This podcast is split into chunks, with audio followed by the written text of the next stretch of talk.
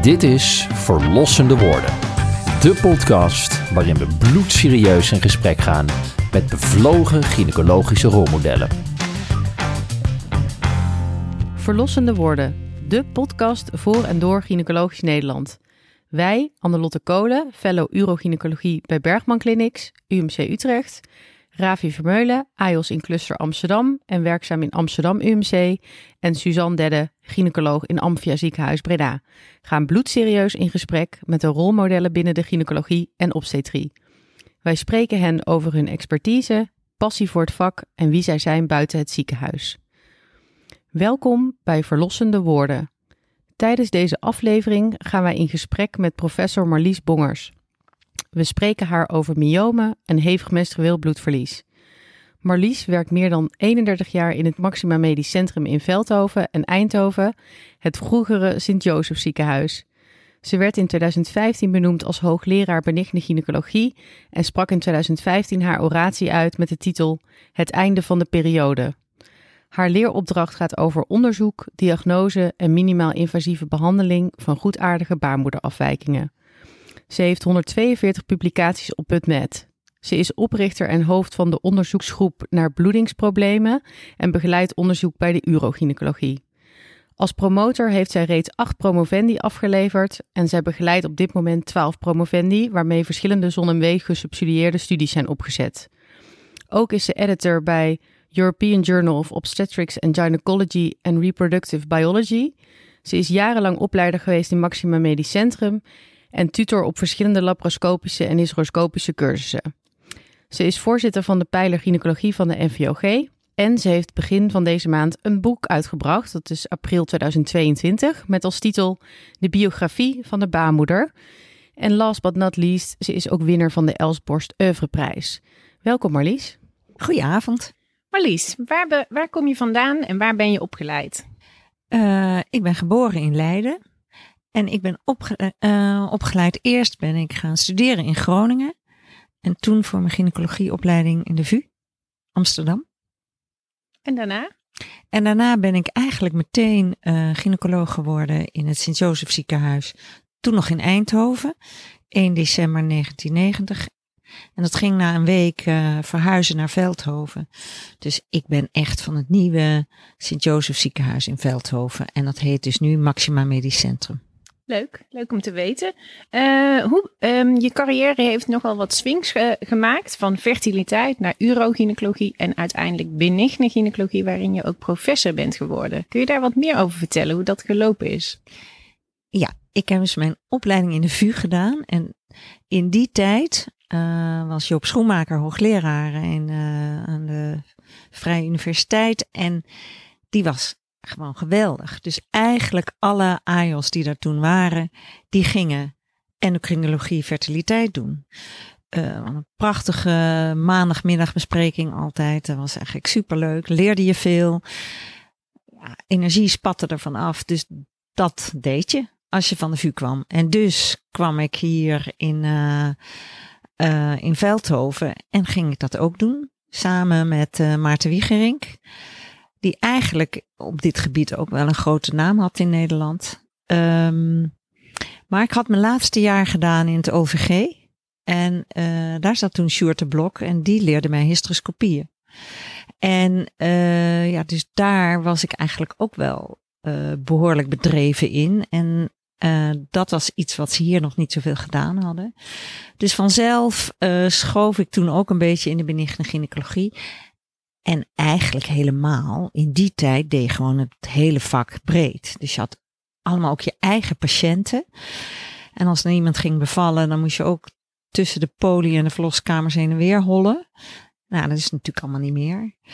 Um, en langzaam maar zeker uh, ben ik toen uit die fertiliteit meer in de benignegien uh, gegaan. Um, en daar hoorde toen de urogynecologie nog bij. Het was niet een apart ding. Dus daarom. En zo, en uiteindelijk ben ik gewoon nog smaller geworden. En uh, alleen maar hysteroscopieën en laparoscopieën en de echte bloedingsproblematiek. Ja, leuk. Je zei hier deden ze dat toen nog niet. En met hier bedoel je dan het Maxima Medisch Centrum? Dat bedoel ik, ja. Klopt. Of het Jozef toen, hè? Ja, ja. Nou, het onderwerp van uh, vandaag is uh, myomen. Uh, we gaan eerst even beginnen met wat achtergrondinformatie. Bullet points. Myomen zijn goedaardige tumoren uitgaande van het myometrium. Ze worden geclassificeerd van type 0 tot 8, afhankelijk van de positie van het myoom ten opzichte van het cavum of de serosa. Myomen kunnen tot in 25% van de gevallen klinisch tot uiting komen. Asymptomatische myomen worden in 70% van alle vrouwen beschreven. Myomen worden vrijwel uitsluitend voor in de reproductieve levensfase met een progressieve toename boven de 40 jaar gezien. De verzamelnaam voor bloedingsproblematiek is abnormaal uterien bloedverlies. Ook hevig menstrueel bloedverlies valt daaronder. Het is gedefinieerd als excessief menstrueel bloedverlies dat interfereert met de fysiek, emotionele, sociale en materiële kwaliteit van het leven van een vrouw. Pathofysiologisch kan hevig menstrueel bloedverlies ingedeeld worden in twee groepen. Hevig menstrueel bloedverlies op basis van een anatomische of organische afwijking, zoals myomen of stollingsafwijkingen, en essentieel hevig menstrueel bloedverlies zonder aanwijsbare oorzaak. Op basis van de anamnese is het moeilijk in te schatten of bloedverlies normaal is. Daarvoor wordt een menstruatiescorelijst gebruikt, die ook wel de Pictorial Blood Loss Assessment Chart wordt genoemd, de PBAC. Bij een score van 150 of meer is er sprake van hevig menstrueel bloedverlies. Eerste keus voor beeldvormend onderzoek is een transvaginale echoscopie. Een water- of gel-contrastechografie moet verricht worden bij het vermoeden op intracavitaire afwijkingen. Een al dan niet polyklinische hysteroscopie verricht men alleen als de contrastechografie geen uitsluitsel geeft. Bij submucosale myomen en hevig menstrueel bloedverlies is een hysteroscopische verwijdering van het myoom aangewezen. Embolisatie is een goed alternatief voor een hysterectomie. Natuurlijk kan hevig menstrueel bloedverlies bij myomen ook medicamenteus behandeld worden en zijn er allerlei nieuwe ontwikkelingen om myomen te behandelen. Marlies, leuk om met jou vanavond het onderwerp myomen te bespreken. Kun jij wat meer vertellen over wat een myoom is en waarom leiden ze tot klachten? Ja, een myoom is eigenlijk een spierbolletje in de dikke spier. En dan kom je meteen eigenlijk tot iets wat ik hoop dat de alle gynaecologen en dokters, huisartsen in Nederland gaan gebruiken. Want het woord vleesboom voor de patiënt is zo akelig. En eigenlijk is dus een myoom een spierbol. Um, dus ik zou iedereen willen oproepen, gebruik het woord spierbol in plaats van het woord vleesboom. En deze uh, spierkernen die zitten dus in die dikke baarmoederspier. Dat is een myoom. Ah, mooi. Ik ga zeker meenemen de tip om het woord vleesboom nooit meer te gebruiken. En over te stappen op spierbol uh, of myoom. Um, en waarom leiden ze eigenlijk tot klachten?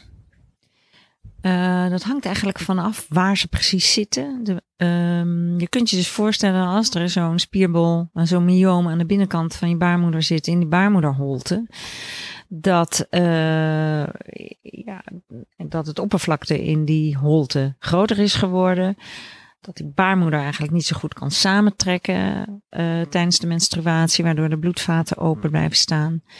En dat geeft dus vaak en krampen en veel bloedverlies. Als zo'n myoom aan de buitenkant van de baarmoeder zit, dan, ja, dan kan het ook zijn dat je er helemaal niet bewust van bent dat die er is. Uh, en in de spier, um, ja, zeker als ze groot zijn, geven ze dus ook veel klachten.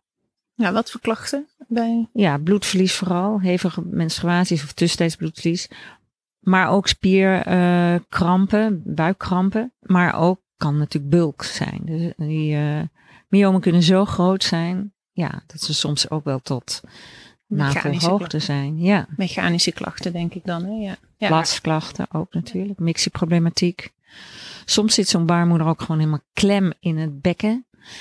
Dat vrouwen vertellen dat ze moeilijk ontlasting kunnen krijgen. Dus kan allemaal. Ja. Je noemt ook uh, onregelmatig bloedverlies. Mm-hmm. En dat is niet van mij altijd geleerd dat dat, dat eigenlijk niet voor, um, dat dat niet eigenlijk kan door een myoom. Hoe, hoe ontstaat dat dan? Nou, je kan dus, als je echt een intracavitair myoom hebt, dan is die dunne laag endometrium die er overheen zit, ja, dan zit het ook als het ware klem in, uh, in, het, uh, in het cavum. En dan kan toch uh, door beschadiging van het endometrium aan de oppervlakte tussentijds bloedverlies ontstaan. Ja, dus door de wrijving van het myoom Ja. met het endometrium. Ja. Maar je hebt wel gelijk, meestal heb je hevige menstruaties. Over op het puntje diagnostiek. Ehm, je hebt hier een, eh, in het Maxima Medisch Centrum een mooie one-stop clinic opgezet voor hevig menstrueel eh, bloedverlies. Ehm, kun je daar wat meer over vertellen? Eh, ja, die hebben we eigenlijk al in eh 2000 eh, opgezet. En toen was het zo dat vrouwen voor hevige menstruatie, diagnostiek en uitsluitsel van problematiek eigenlijk bijna vijf keer moesten komen. En ik dacht, dat is toch te gek. En de hysteroscopieën waren ook dus eigenlijk heel erg in, in opkomst toen. Ook kleinere scoopjes inmiddels. En toen ben ik begonnen en dat mocht van eh, de raad van bestuur van mijn ziekenhuis. Want financieel was het eigenlijk helemaal niet zo gunstig, maar eh, met een one-stop clinic. Dus vrouwen kwamen met bloedverliesklachten, deden eigenlijk niet zoveel toe wat. Kregen meteen een echo. Als het nodig was, een eh waterecho, cis-echo. En eventueel verwijdering van polyp, kleine myoompjes. We deden dat vooral toen nog met de Versapoint elektrodes. En dat ging eigenlijk heel goed. En dat Eh. deed je op één kamer? Op één kamer, ja. Dus eh gesprekje. eh, en dan vervolgens gynaecologische stoel was er ook. Tegenwoordig hebben we nou een mooie aparte kamer om eh, het gesprek te doen. En dan vervolgens kom je pas in de onderzoekskamer. En eh, de, de hoofdmodus is hiervoor dus uit, eh, voor patiënttevredenheid en service naar de patiënt. Ja, En hebben jullie ook zeker. het idee dat de patiënten daar blij mee zijn? Ja, wij denken dat de patiënten. Ja, dat was wel aardig. Want daar hebben we laatst een, dis- een eh, ronde tafeldiscussie over gehad. Ehm, ja, en wij denken wel echt dat de patiënten daar heel blij mee zijn. Eh, grote dingen, eh, bijvoorbeeld het doen van een Novasure, dus een endometriumablatie. Dat doen we meestal niet in één keer. Dus dan moet iemand er toch wat langer over nadenken en dan bespreken we dat ook. Eh, maar ehm, ja, zeker kleine myomen, polypen, postmenopausale vrouwen ook met die hele dunne scoopjes, is, vinden ze echt heel fijn. Kan ik me ook wel voorstellen. Ehm, en als er nou een patiënt is waarvan we vooraf niet weten dat eh, ze een myoom heeft, maar ze komt met hevig menstrueel bloedverlies, je gaat haar onderzoeken, hoe, is het, hoe gaat dat dan? Hoe is dat beloop? Ja, dan kijk met de echo heb je tegenwoordig kun je met de echo toch wel heel goed zien, ook zonder cis, eh, waar het myoom zit. Dus ehm dan meet je hem op en je En een CIS is een water. Waterecho. Ja. Ja.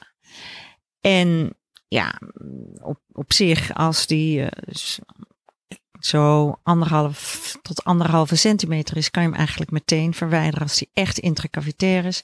Type 2 myomen doen we eigenlijk niet zomaar meteen in één sessie hier op de behandelkamer. Ehm, en intramurale myomen kan je dus niet goed bij. Dus dan wordt de counseling eh, gewoon met de patiënten gedaan. En kunnen we voor een volgende stap heel makkelijk naar een sedatieprogramma. Eh, op een andere dag dan wel, weliswaar. Ik vind wel, eh, het is heel mooi, zo'n one-stop eh kliniek. Ik vraag me af, hoe, hoe krijg je daar genoeg tijd voor van het ziekenhuis? Want ehm, de ene patiënt ehm, zal je wel meteen iets bij moeten of willen weghalen en bij de ander niet. Loop je dan heel erg uit? Of, of hoe werkt dat precies? Ja, wij, we hebben een half uur per patiënt. En soms ehm, komt iemand met hevig menstrueel bloedverlies, maak je een echo, normale baarmoeder, niks. En doe je counseling en krijgt iemand spiraal en hup, is dus in 20 minuten weg, zeg maar. Eh, en soms komt er iemand eh, met verdenking eh placentarest en die ga je meteen weghalen en doe je er drie kwartier over. Maar dat op zich gaat het eigenlijk altijd wel redelijk goed. Eh, heel soms ja, vlieg je dan natuurlijk de bocht uit, maar ehm, het, het middelt zich over het algemeen wel uit. En wie doen deze spreekuren? Ehm, we hebben eigenlijk nou zo veel doen we. Dus we hebben er twee spreekuren parallel naast elkaar. Eén voor de gynaecoloog en één voor de AIOS.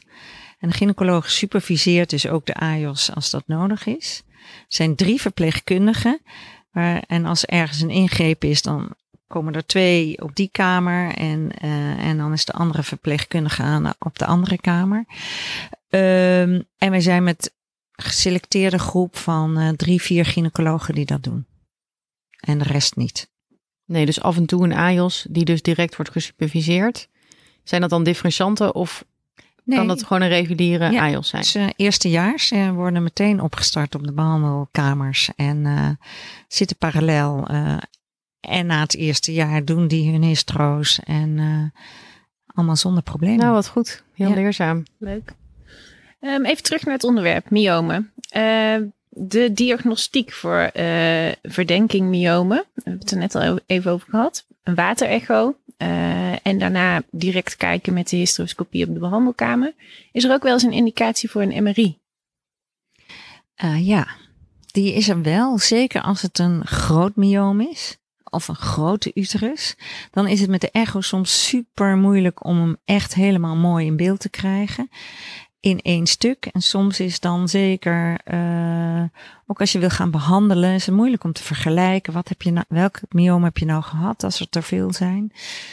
En dan, ja, dan doen we een MRI om te kijken waar zitten ze precies ook hoog in het cavum ten opzichte van het cavum om te weten hoe groot zijn ze, waar zitten ze precies en hoe eh, veel zijn het er. Oké. Ehm, de beste definitie van hevig menstrueel bloedverlies. De beste definitie van hevig menstrueel bloedverlies is eh, voor mij is dat je als vrouw zoveel bloed verliest dat je eigenlijk niet goed kunt functioneren. Dus los van een anemie of een P-back score. Ja, Ja. precies. En als iemand ook zegt, ik verlies zoveel bloed en ik kan eigenlijk niet, die ene dag kan ik gewoon niet naar de winkel, dan hoeft ze van mij niet meer per se eh, maandverband te tellen. Nee, ik ben het wel eens met als een vrouw niet kan winkelen, dat ze inderdaad niet goed kan functioneren. Nee. Ehm, behandelingen, een bruggetje. Ehm, de intracavitaire myomen. Ehm, hoe worden die eh, behandeld en wanneer moeten ze behandeld worden? Nou, intracavitaire myomen, en dan noemen wij dat dus afhankelijk hè, van type 0 of type 1. Dan liggen ze voor het aller, allergrootste deel, alle, in ieder geval in de baarmoederholte. Behandel je eigenlijk altijd wel. Want vrouwen komen dus met bloedingsklachten, eh hevig menstrueel bloedverlies. Je kan er eigenlijk heel goed bij, want je kan hysteroscopisch er goed zien. Soms dus op de behandelkamer hangt dus af van de grootte. Anderhalve centimeter is wel echt zo'n beetje de limiet. Eh, tegenwoordig met eh shaver technieken kan er misschien nog wel wat groter. En ehm, ja, die, de, of met resectoscoop. Dat zijn eigenlijk de technieken.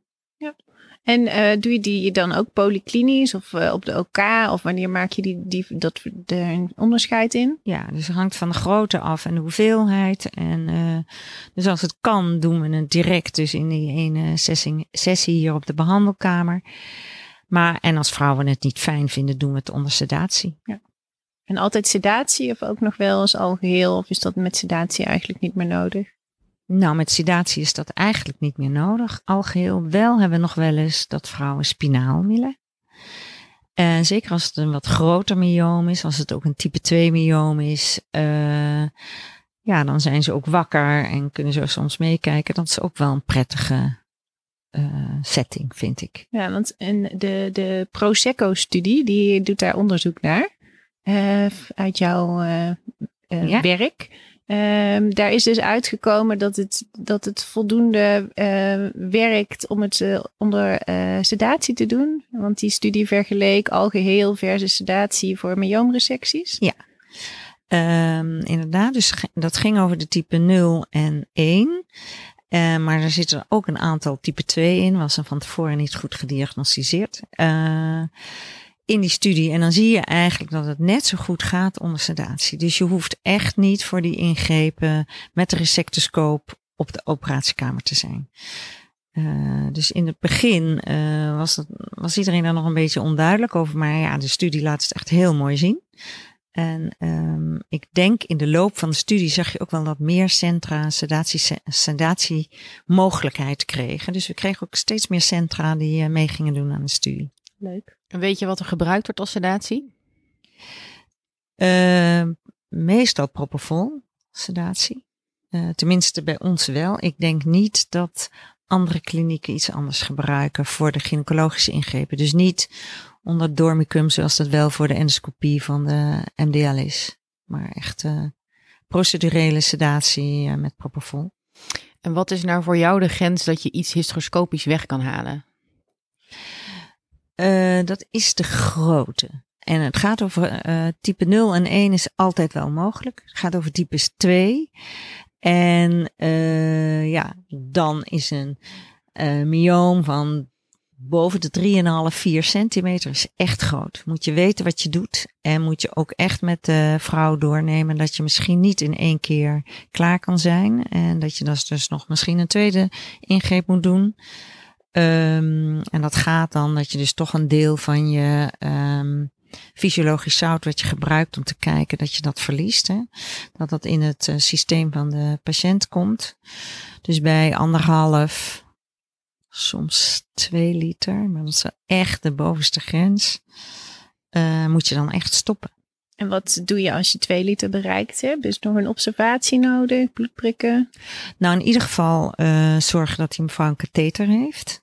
Want dan gaat het allemaal weer uit. Maar het gaat natuurlijk bijna altijd over jonge, energieke vrouwen. Dus dan zijn, slapen ze, ja, zijn ze hier gewoon nog een paar uurtjes en dan uh, gaan ze naar huis. Dus een katheter, omdat ze al het vocht weer uh, Ja. uitplassen. Ja, in eerste instantie. Ja. En liever een shaver of liever een resectoscoop? Waar hangt die verdeling vanaf? Um, als ik er maar één zou mogen kiezen, dan nam ik de resectoscoop. Want daar kan je eigenlijk alles wel mee. Het grote nadeel is dat je die chips uh, in elke keer dat kleine stukje wat maar in die holte blijft zitten. Zeker als het een groot myoom is, word je er knettergek van. Want dan moeten ze er ook weer uit. Maar uh, een shaver is eigenlijk heel goed voor de intracavitaire deel. En je kan ook met de shaver wel zo'n myoom een beetje uit de wand frikken, zodat hij loskomt. Mm -hmm. Maar als het echt een groter type 2 is, dan is een resectoscoop echt nodig. Ja. En ik hoorde je net iets zeggen, met een shaver kun je wat grotere myomen weghalen? Ja, um, je hebt de uh, verschillende, je hebt natuurlijk verschillende uh, grootte van de shaver. Dus je hebt ook een, een XL, uh, die maakt grotere hapjes. En als die maar intracavitair komt, dan kan je er wel bij. Dus ja, soms probeer je hem dan als het ware een beetje eruit te frikken. En dan... ja, soms duwt de uterus natuurlijk ook zelf een beetje het myoom intracavitair tijdens ja. dat je bezig bent. Ja, laat je de druk een beetje, hè, een beetje zakken en dan zie je hem weer wat meer komen. Uh, is ook voor de resectoscoop soms heel handig. En intramurale myomen, uh, wanneer is daar een behandeling, uh, uh, of subserieus, intramuraal, wanneer is daar een behandeling voor nodig? Als de, als de myomen dus geen relatie tot het kaven hebben. Ja, eigenlijk, eigenlijk alleen met klachten. En dan vooral klachten toch van bloedverlies, want dat kan ook voorkomen. Je kunt dus een type 3, die zit, die zit dus vaak toch nog wel dicht tegen de baarmoederholte aan, maar peilt dan niet uit. Zeker ook als die wat groter is, zo'n type 4 wat groter is. Zo'n zo, zo'n uterus kan door die verschillende myomen gewoon toch groot, zwaar en, en immobiel zijn, waardoor die toch veel klachten geeft. Um, ja, dan is het super moeilijk om erbij te komen. En wij gebruiken eigenlijk een ablatietechniek. Dat heet Sonata systeem. En daarmee prik je met naaldjes in de myomen. Dan gaat er een stroom overheen lopen. En van binnenuit wordt zo'n uh, myoom dus vernietigd.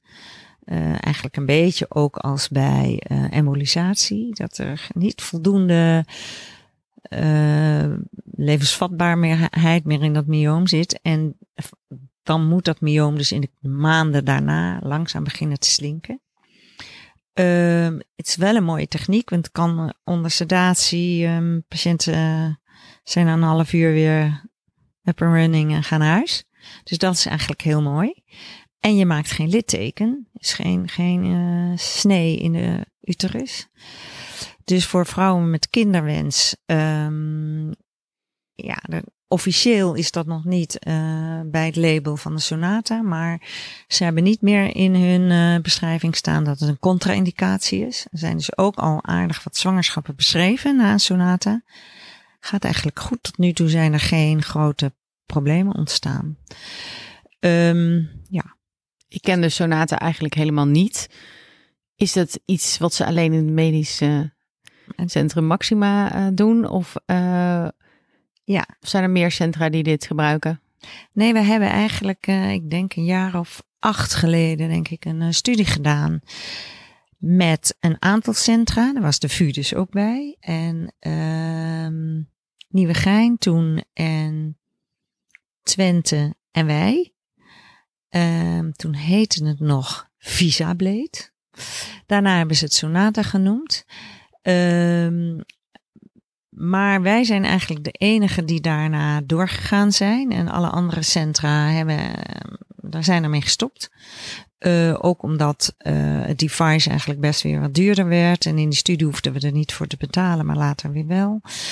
Um, ja, en ik heb toch de mogelijkheid gekregen om nog door te gaan. Dus wij zijn inderdaad de enige in het land. En het grote probleem is dat het eigenlijk dus niet vergoed wordt door de ziektekostenverzekeraar. Er is niet een aparte DBC voor. En nu wordt het weggeschreven onder hysteroscopische myoomresectie. Maar ja, de device is zo duur dat je daar gewoon helemaal niet meer uitkomt. En nu hebben wij een afspraak met de Nederlandse Zorgautoriteit. En uh, hopen we het kunnen aantonen dat het een goede behandeling is. Um, en dat het de moeite waard is om een aparte DBC te maken. Ja, mooi. En je noemde net ook al heel eventjes de embolisatie. Ja. Wat vind je dan een mooiere techniek? Of is er een andere indicatie? Dat kan ook. Ja, mm, nou, de indicaties overlappen elkaar, denk ik wel. Hè. Um, embolisatie doe je eigenlijk ook voor de myomen die het liefst niet intracavitair zitten. Uh, dus aan de buitenkant vaak dat ze groter zijn. Dus je gebruikt echt de embolisatie meer voor de nog weer wat grotere uh, myomen. Um, en wat nodig is, is dat je wel goede interventieradiologen hebt. En anders moet je ze eigenlijk de vrouw naar een ander centrum verwijzen. Dat is natuurlijk toch soms ook wel een ding. Uh, maar goed, wij hebben gelukkig twee hele goede jonge interventieradiologen. Die heel selectief kunnen emboliseren. Dus in een multidisciplinair overleg bespreken we dus met z'n allen uh, embolisatie of uh, resectie of sonateablatie of ja, myomenucleatie. Ik ben dan nog wel benieuwd als je als enige centrum die Sonata nog hebt, of je dan ook inderdaad tertiaire verwijzingen krijgt van elders in het land. Zelden door gynaecologen, maar vrouwen zoeken zelf tegenwoordig. Hartstikke mooi. Dus uh, ja, we krijgen van echt uit het hele land uh, komen vrouwen voor de sonatenbehandeling. Zelfs een mevrouw uit Terschelling, uh, die op één dag dus niet heen en weer kon om weer naar huis te komen na de behandeling. Ja. En toen bleef ze in het mooie Veldhoven slapen. ja, ik denk dat ze aan de rand van Friesland ging slapen. Voor de volgende dag gaan we weer naar huis met de boot. Ja.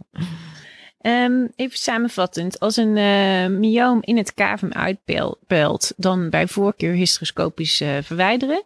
Uh, als dat niet lukt, dan komen we dus uit op technieken waar we het net over hadden, sonata en embolisatie. Maar ook myoomenucleatie is een van de opties die wel eens verricht worden. Kun je daar wat meer over vertellen? Um, eigenlijk gaat dat dan over de myomen meer aan de buitenkant. Dus die je dus, als je naar de buitenkant van de baarmoeder kijkt, kunt zien. Dus dat zijn dan type 5, 6, type 4 soms ook. Uh, dat gaat vaak dus over vrouwen met echt een grote baarmoeder, veel myomen of grote myomen en vrouwen die echt zo graag hun baarmoeder willen behouden. En dat hoor je eigenlijk toch langzaam steeds meer. Uh, afgelopen jaren is dat aantal wel enorm gegroeid. Uh, zwarte vrouwen hebben die wens echt heel vaak, dat ze hun baarmoeder niet kwijt willen.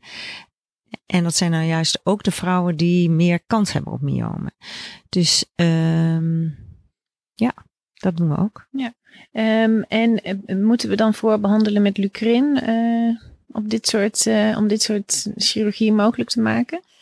Nou, dat is altijd fijn als je kunt voorbehandelen. Myoom krimpt, wordt minder goed doorbloed. eh eh de grootte is, wordt dus beter te overzien. En ehm, nou, wij doen dus veel laparoscopisch. Eh, ja, dat scheelt echt wel veel. Eh, dus wij behandelen eigenlijk altijd voor een laparoscopische of tomische myomenucleatie onze patiënten voor met Lucrin. En zie je dan ook minder bloedverlies? Ja. En gebruik je standaard bij deze operatie een celsaver? Nee. Dat is een leuke vraag. Nee. Want eigenlijk eh, wat we doen standaard is profilactisch eh tranexaminezuur. Eh, en ook van tevoren moeten we weten dat ze goed in hun AB zitten. Maar met drie maanden Lucrin op zijn minst van tevoren eh, is dat dus vaak wel. Ehm, ja. En wat we gebruiken is boeldogjes. Dus we zetten van die klemmetjes op de eh eh ovariële vaten en op de arteria uterina als we daarbij kunnen. Ehm, En hou je de tijd dan bij? Hoe lang die poeldogjes eh, op die plek zitten?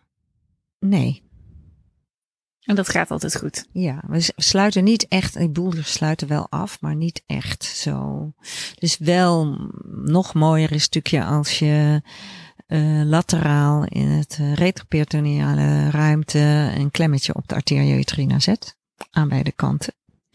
Eh, en dan moet het niet al te lang duren. Maar goed, eigenlijk, die uterus is zo, dat zien we natuurlijk in die zwangerschappen ook, zo prachtig altijd weer in staat om eh, te herstellen. Dus dat zie je Vasculariseren. weer. Ik vroeg me nog af die lucrin. Er zijn ook collega's die zeggen, ja, daar worden de myomen heel papperig van.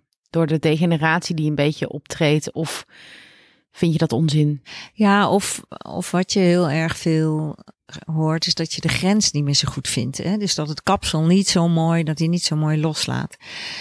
Dat weegt voor mijn gevoel echt absoluut niet op tegen de voordelen van eh, minder bloedverlies en kleiner.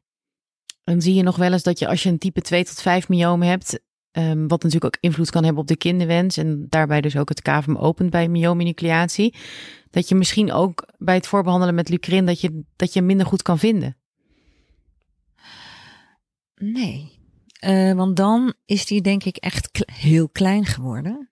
Eh, dus, dat, ja, dus een type 2 tot 5 is dus vaak wel echt een groot myoom. En wat, je, wat we enorm hopen bij de Lucrin eh, voorbehandeling, is dat hij terugtrekt van het cavum. En dat je dus niet een snee door en door hebt. En, eh, dus wij doen het altijd, proberen het altijd. En als hij dus zo klein wordt, ja, dan je hem niet kunt vinden, dan mm, ja, Dan blijft hij zitten. Nou, een hoop eh, technieken besproken. Ehm, is er eigenlijk nog wel ooit een eh, hysterectomie nodig? Ja, zeker. Want er zijn natuurlijk ook genoeg. Kijk, de vrouwen die met een grote en eigenlijk voltooide kinderwens hebben, veel last hebben van dat ding, ja, dan is het onzin om een myomenucleatie te doen. Dus dan doen we een hysterectomie. Duidelijk. Ehm, eh, is, eh, wat kunnen we verwachten op dit gebied eh, qua inno- inno- innovatie? Is hier nog veel in techniek te verbeteren? En is er bijvoorbeeld ook ruimte voor de robot? Eh, om het laatste te beginnen, de, ro- de robot, eh, die is echt ook mooi om uh, te doen. Die heeft natuurlijk een prachtig eh, polsgewricht waar je goed mee kunt hechten en het goed mee kunt zien. Dus, dus ik denk ja, als er een robot in het ziekenhuis staat, je kan ermee overweg en je mag als gynaecoloog er gebruik van maken, dan is dat zeker eh, heel goed mogelijk. Ehm, wat kunnen we nog verwachten? We weten eigenlijk nog best heel weinig van myomen. Dus ik hoop echt enorm dat er veel meer nog duidelijker wordt. Waarom zijn ze er? En um, ik denk wel dat de ablatietechnieken een rol kunnen gaan spelen. Ze moeten het eigenlijk wel beter worden nog, vind ik. Uh, ik, ik weet op de lange termijn niet of vrouwen uh, met echt verschillende myomen er wel goed genoeg mee geholpen zijn. Beter in de zin van klachtenvrij of Klachtenvrij. kinderwens bijvoorbeeld. klachtenvrij. En het kan dus best zijn dat je dat myoom slinkt en minder groot wordt en dat je, nou, met kinderwens, dat je zwanger wordt intussen, maar dat het myoom toch weer gaat groeien op den duur. Of, ja. Dus ik hoop echt nog dat, we, dat er heel veel nieuwe dingen nog komen voor die myomen, zodat we ze bijvoorbeeld kunnen voorkomen of in een vroeg stadium kunnen behandelen, zodat eh, ze niet te groot worden. Genoeg werk voor de wetenschap dus nog. Genoeg werk voor jullie eigenlijk. Ehm, we hebben het gehad over eh, de ingrepen die we gebruiken bij ehm myomen. Eh, ook is er natuurlijk eh, medicamenteus vaak wat aan het bloedingsprobleem te, te doen. Ehm, daarbij gebruiken we hopelijk allemaal een consultkaart hevig menstrueel bloedverlies, waar al die opties in opgenoemd zijn. Maar ook ESMIA eh, is een behandeling specifiek voor myomen. En wat is, wat, wat is je zicht daar nu op? Ja, Esmia werkt eigenlijk, uh, is een antiprogesteron en werkt natuurlijk eigenlijk heel goed eh, voor die myomen. En eh, dat is dan ook nog wel aardig om even op terug te komen. Als je daar een myomenucleatie deed van een myoom behandeld met Esmia, dan dat was vaak papperig en zo heel fluffy en met, wel met meer bloedverlies dan van de Lucrin. Eh, maar als medicijn werkte het voor veel vrouwen wel goed. Ja, nu is het dus onder embargo. Mag je het alleen maar echt in het ultieme, mag je het nog gebruiken. En in de Miomax 2 studie die nu nog loopt op dit moment in 2022. Ehm, en je merkt toch dat dat ook past in de wens van veel vrouwen dat ze hun baarmoeder willen behouden met een uterus met myomen. Dus uh, ja, ik denk als je het aan de vrouwen op straat vraagt, dat het echt wel een goede optie is. Dus dat we ook in die zin op zoek moeten naar misschien medica medicamenten die minder bijwerkingen hebben. Maar uh, ja. Ja, ja. Fijn als dat soort innovaties uh, verder kunnen geëxploreerd worden. Hetzelfde ook voor die sonaten. Uh, zou mooi zijn. Even een, een bruggetje naar wat minder um, gezellig onderwerp. Sarcomen. Hoe, kan, hoe kijk je tegen de kans op een uh, maligniteit? En waar let je op? Wat doe je? Um, zet je beeldvorming in als je het vermoeden hebt? En zo ja, wat? Of prik je bloed? Ja. Allereerst komt natuurlijk super weinig voor, maar toch altijd wel eens een keertje. Dus uh, je hebt altijd wel in je achterhoofd dat je kijkt met de echo, met de flow. Zit het er mooi circulair omheen? Um, daar kijk ik heel erg specifiek naar. Leeftijd is een ding. Als dus iemand 50 plus postmenopausaal komt met klachten van een myoom, dat is natuurlijk echt heel raar. Um, en dan gaan wij dat niet scopisch doen. Um, en dan gebruik ik, vraag ik ook wel in die gevallen waar we zelf de lampen zeg maar op oranje staan of zo, hè, dat je het niet zeker weet, dan vragen wij wel een MRI aan en om de uh, radioloog om mee te denken hierover. Um, ja, en bloed prik ik eigenlijk niet extra erbij. Uh, maakt niet dat we besluiten dit of dat. We nemen eigenlijk in die zeldzame gevallen dat we twijfelen geen risico. En, en waar kijkt de radioloog naar? Is dat conclusief, zo'n MRI? Nee, daar krijg je ook nooit goed antwoord. Altijd zo'n beetje zou kunnen passen bij. Maar als zij zeggen, we vertrouwen het niet, dan uh, vertrouwen wij het ook niet. En je zei circulaire bloedflow. Ja. Het echo, Ja, dat is een dat is- marker. Nou, dat, dan denk je dat past bij een niet maligne uh, beeld. En uh, dan, worden, dan zijn we daar dus redelijk gerust onder. Nog heel even een andere vraag. Als vrouwen echt een uterus vol hebben met myomen, dan kan dat ook een genetische afwijking betreffen, waarbij je ook weer een hoger kans hebt op een niercelcarcinoom. Um, test je daar altijd op?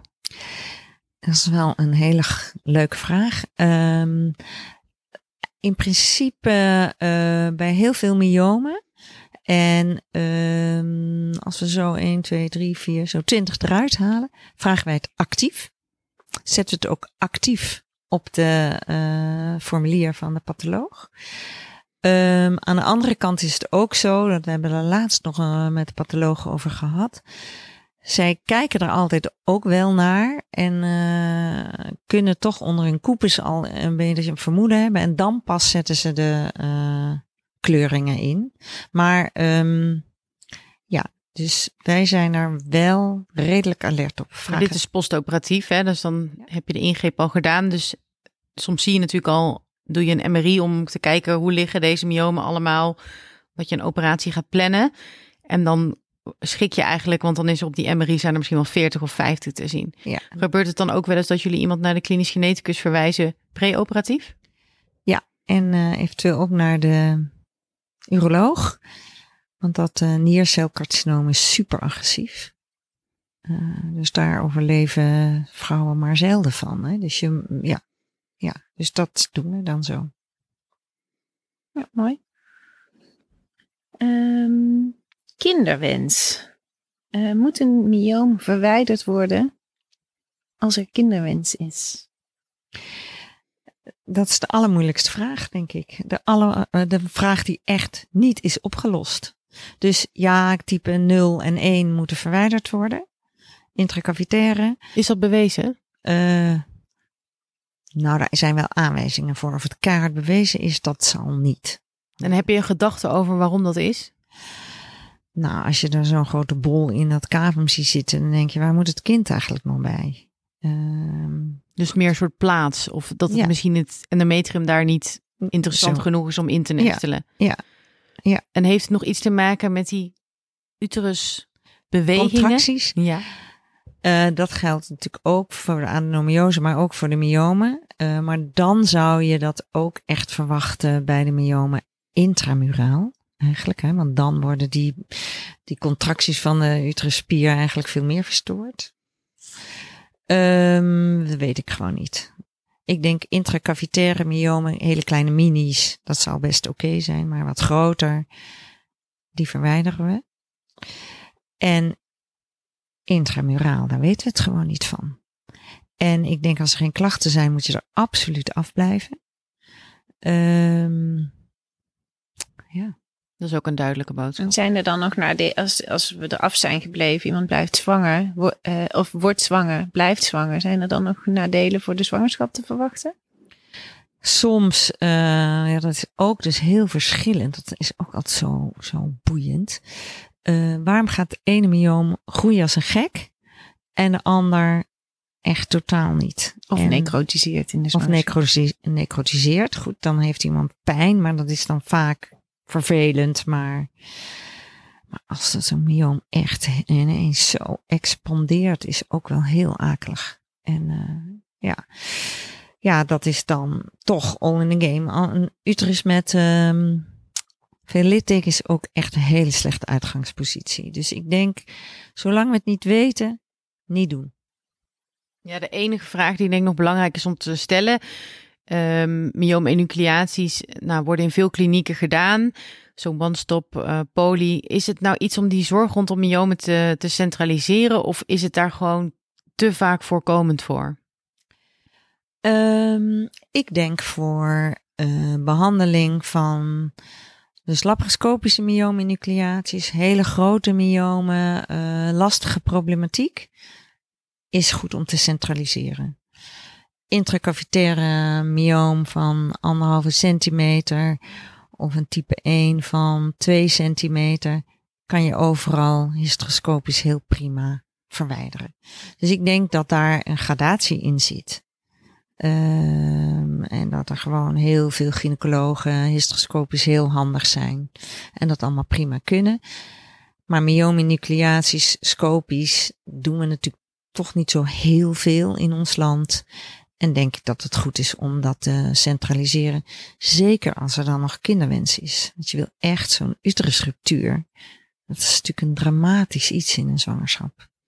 Ja, en lo technisch logistiek, um, is het dan iets voor de derde lijn en het uh, Maxima Medisch Centrum? Of uh, alle grote tweede lijn centra en de derde lijn? Of hoe zie je dat logistiek voor je? Um, nou, derde lijn wil niet per se zeggen dat je veel myomenucleaties doet. Dus ik denk dat je moet kijken naar de kliniek. Uh, Amsterdam UMC doet veel myoomproblematiek.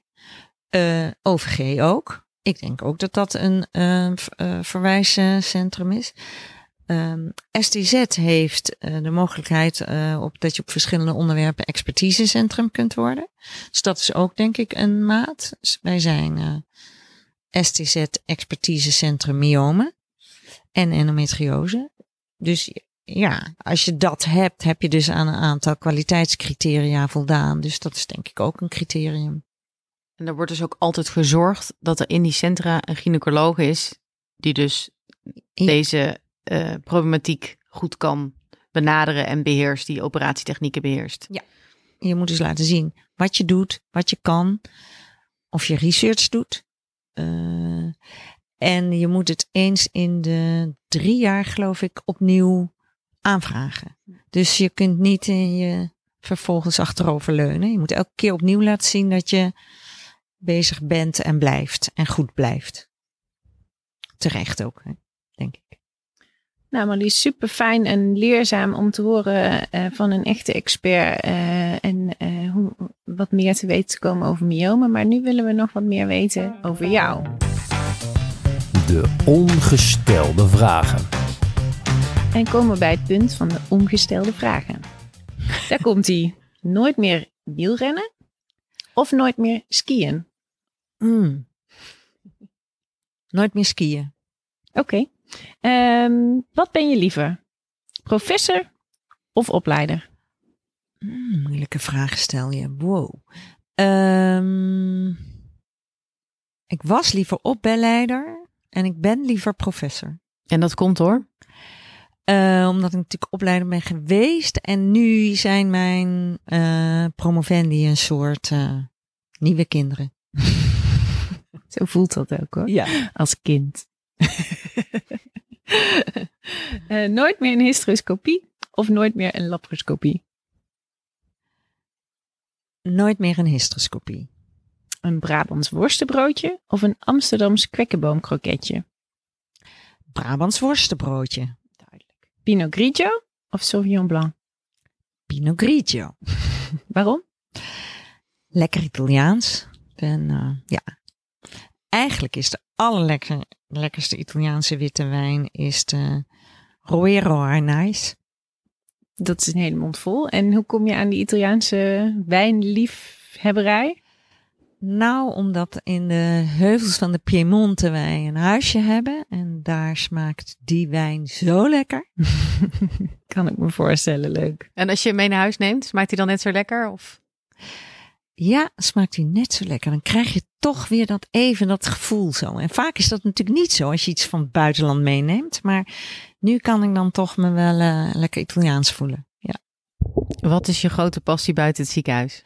Ja, mijn grote passie buiten het ziekenhuis is wielrennen, maar vooral zo'n enorme kol op fietsen. Dus zo 20, 25 kilometer, Mont Ventoux omhoog en dan bovenop die top. Super leuk is dat. En dan geen zadelpijn? Geen zadelpijn, nee. Maar dan, want je moet er wel getraind hebben van tevoren. en anders, woe. Wat zou je doen als je geen gynaecoloog was geworden? Ja, ik denk toch dat ik dan, uh, want ik was eerst uitgeloot. Uh, ik heb dus een jaar biologie gedaan. En het laatste, en eigenlijk was dat vreselijk. Zeker die uh, botanica was niet fijn. Maar het laatste vak was genetica en dat was echt heel erg leuk. Dus dan was ik dat gaan doen. En hoeveel jaar heb je dat gedaan? Eén jaar maar. Dus, dus wel proppenduis gehaald? Wel mijn proppenduis gehaald, ja. ja. Geen schrijfster geworden? Geen, nee. Ik zou zeker geen schrijfster geworden zijn. Want daar heb ik, had ik gelukkig met mijn boek uh, Corine uh, van Zweden voor. Die schreef en ik vertelde. En zij schreef het allemaal op. Oké, okay, dit is een beetje inside information. Uh, dit gaat even over het boek wat Marlies samen met Corine van Zweden heeft geschreven. Ja, ja en dat is heel recentelijk gepresenteerd. Vorige maand, denk ik, april 2022. En waar gaat dat over? het gaat over de baarmoeder. En het heet de biografie van de baarmoeder, maar het gaat over de baarmoeder. En het is geschreven voor alle vrouwen en alle mannen van de hele wereld. Omdat uh, blijkt dat, dat mensen toch heel weinig van die baarmoeder weten. En we staan allemaal leuke weetjes in. En leuke verhalen van vroeger. En uh, grapjes, maar ook serieuze patiëntenverhalen. En een heleboel gewone informatie. En zie je dat als je doel om de baarmoeder beter toe te lichten? Nou, het was echt superleuk om te doen. Ik, ik werd gevraagd om het te doen en ik dacht meteen, oh jee, schrijven. Maar ik wist wel zeker dat ik het niet door een ander wilde laten doen. Dus um, ja, het is wel echt een soort missie geworden omdat dat boek er is. En dat vrouwen echt zelf kunnen lezen van, het gaat over erkenning en herkenning. Dus eerst herkenning en dan dus erkenning voor de klachten. Of de opluchting dat het ook eigenlijk best goed kan zijn allemaal. Dus ja. Past ook al eigenlijk toch wel weer een beetje bij dat bioloog zijn. Dan had je ook namelijk prima een boek over de baarmoeder kunnen schrijven. Als je jezelf op de eerste dag van je opleiding een tip had kunnen geven, wat zou dat zijn? Aan mezelf een tip? Um, laat je niet gek maken. Dat was de tip geweest, denk ik. Uh, het komt eigenlijk bijna altijd goed. En wat is de belangrijkste verandering binnen de gynaecologie tijdens je carrière? Ja, dat is misschien toch wel duidelijk, maar uh, in mijn tijd gingen wij nog zitten kijken met een laparoscoop, met zo'n zo dat je zelf ongeveer in een, in een kronkel stond, omdat er geen, geen scherm was. Je moest dus zelf met je oogje doorheen kijken. En dan was er ook nog een meekijkding en dan kon de co-assistent meekijken. Dus dat laparoscopisch opereren met uh, scherm, camera, prachtig beeld, 3D. Dat is echt wel heel erg winst in mijn carrière geweest. Dus als wij zeuren over nek- en rugpijn, dan zijn we eigenlijk een stelletje aanstellers. Nee, want ook dat is natuurlijk. Jullie gaan dadelijk zeggen: wat was mijn carrière? Wat was in mijn carrière nou de beste, beste innovatie? Dan gaat het over de robot of zoiets. Of iets wat we nog niet weten. Ja. Nee. Heb je nog afsluitende woorden? Uh, wat moeten we nou onthouden van deze podcast? Dat je een vleesboom altijd een spierbol noemt vervolgens. En um, ja, dat je dus eh, myomen en vrouwen zijn zoveel verschillende mogelijkheden. Dat je heel goed luistert naar die vrouw wat ze wil. En je aanpast afhankelijk van waar het myoom zit, wat je doet. Ja, dat is een heel mooi advies. En onze volgende podcast is met Monique Haak. En wat zou je haar willen vragen? Oh, ik hoop, uh, Monique, um, dat jij uh, iets kan zeggen over de innovatie van de echo. Ik hoop eigenlijk dat we uiteindelijk alleen nog maar een echo hebben, nodig hebben om myomen, baarmoeder in beeld te brengen en geen MRI meer. Nou, dat is een hele leuke vraag die wij mee kunnen nemen als we met haar in gesprek gaan.